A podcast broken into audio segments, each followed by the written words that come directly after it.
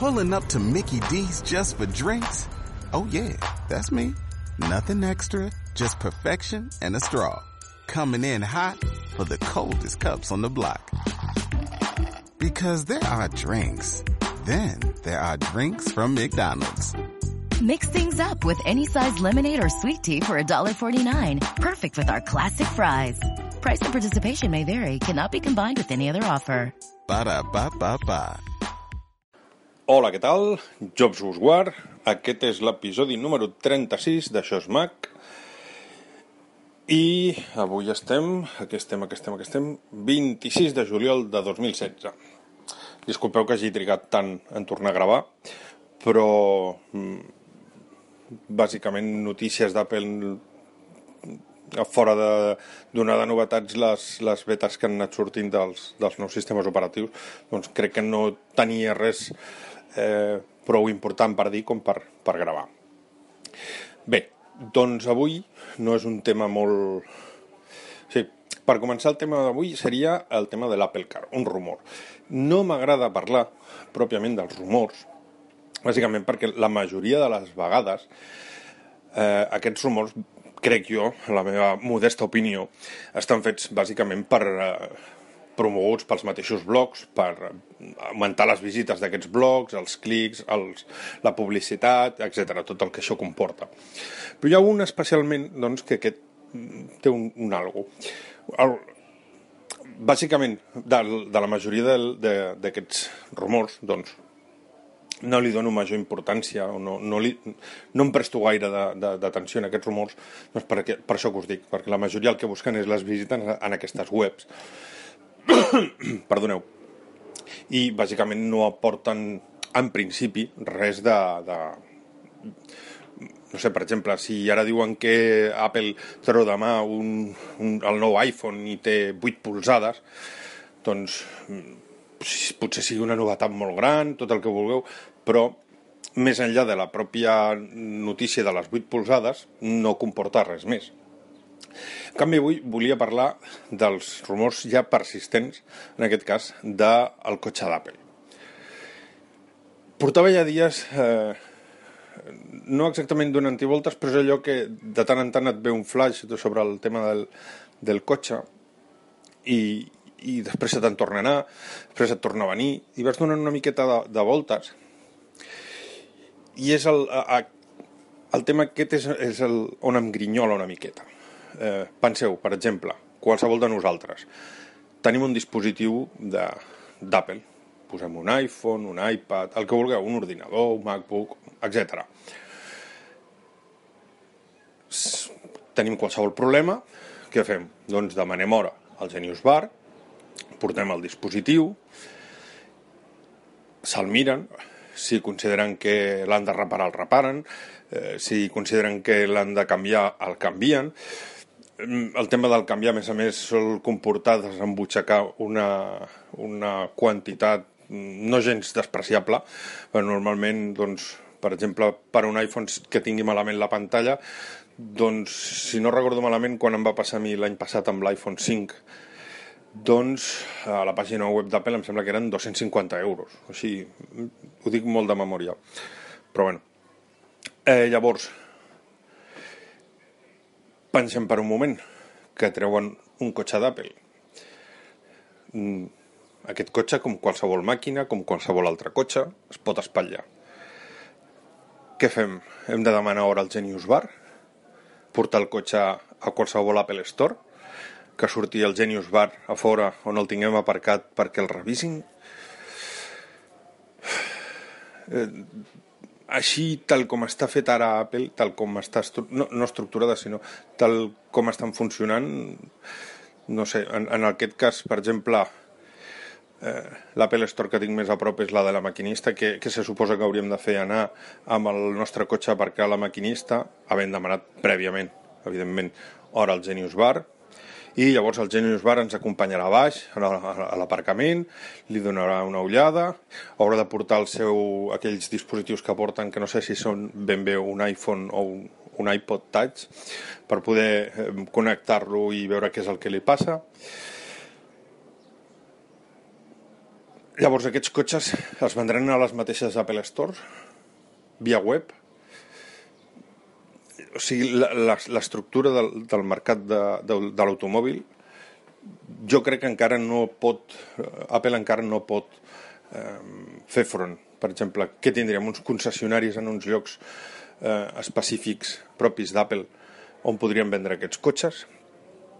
L'altra opció, perquè això sembla una miqueta massa enrebaçat. L'altra opció és eh, doncs que, per exemple, els cotxes d'Apple els vengui, per exemple, Mercedes, BMW, bueno, qualsevol marca, això tant se val. Llavors, clar, quan s'espatlli aquest vehicle, quan no vagi, què se suposa que, que haurem de fer? Portar aquest cotxe en aquesta casa oficial? Doncs si, si donés la casualitat, eh? no, no, no sé exactament que el vengués Mercedes. Hauríem d'anar amb el nostre cotxe d'Apple a Mercedes perquè passar les revisions, mirar que tot estigui correcte. Però clar, amb lo poquet que jo conec Apple, Apple no li agrada que ningú li posi la mà al damunt als seus dispositius, només ells amb la qual cosa doncs, queda una miqueta descartat aquesta mena de, de, de venda a través d'altres concessionaris d'altres marques. Llavors tornem un altre cop a l'inici. Vol dir que ho farà des de la pròpia Apple? Creieu que Apple té estructura com per, eh, potser ara no, potser d'aquí uns anys, començar a tenir concessionaris de, de vehicles? No sé, de moment, de moment se'm fa una miqueta difícil de creure. Mm. Potser, i només potser, sí que estan fent proves amb, amb cotxes i, i tot això m'ho no, no, ni tan sol tinc la intenció de, de, de fer de pito ni sopito, no, no intento endevinar, però mm, tenint en compte el, el difícil que seria l'estructura aquesta per vendre cotxes d'Apple i les reparacions, les, les posteriors reparacions, doncs a lo millor el que, el que estan intentant provar és en, el, el que és Apple Car, que no només sigui eh, per poder gestionar el nostre dispositiu des de la pantalla tàctil del nostre, del nostre cotxe.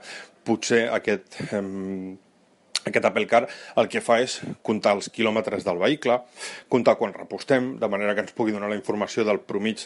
Hi ha aplicacions, per exemple, de, de, ja per, amb el cap Road Trip, on li podem posar eh, doncs, quan repostem el vehicle, quines despeses tenim doncs, de l'assegurança, de les revisions, de si l'hem hagut de reparar per una avaria. Llavors ens va fer un, gràfic de què és el que costa eh, el cost que tenim amb aquell vehicle. Mm, aquest cost ho pot dir tant amb el que és el, el, el combustible, o sigui, quan els 100 quilòmetres o, el cost total durant aquell any del que ens ha costat.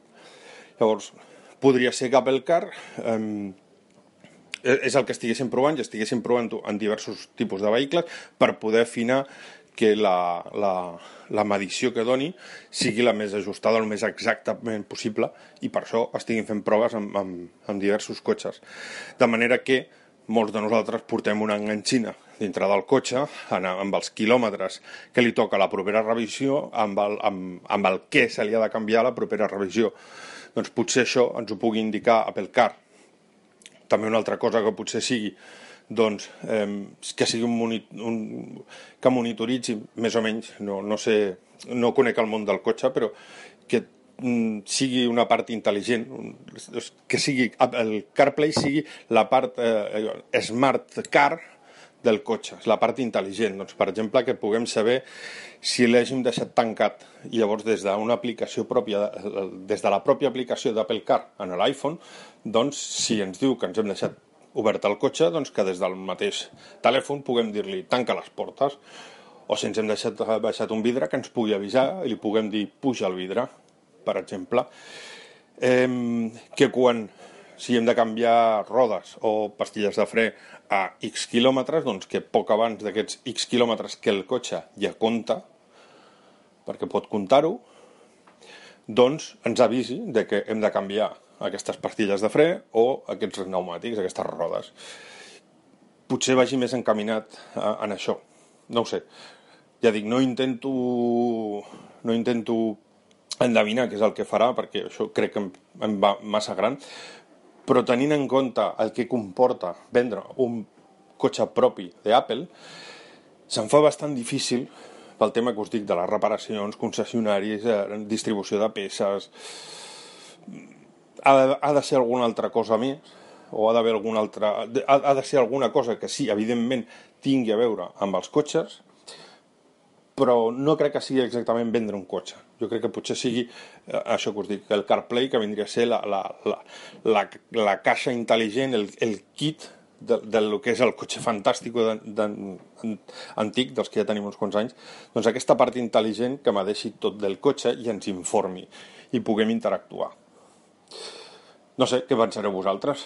Eh, com sempre, qualsevol dubte, suggerència, eh, crítica, si voleu, també, el que vulgueu, doncs a aixosmac, arroba gmail.com en el correu electrònic o arroba aixosmac a Twitter.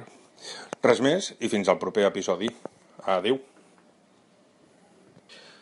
Ah, perdoneu, que me n'havia oblidat. Feia tants dies que no que ho tenia pendent que se m'havia anat del cap.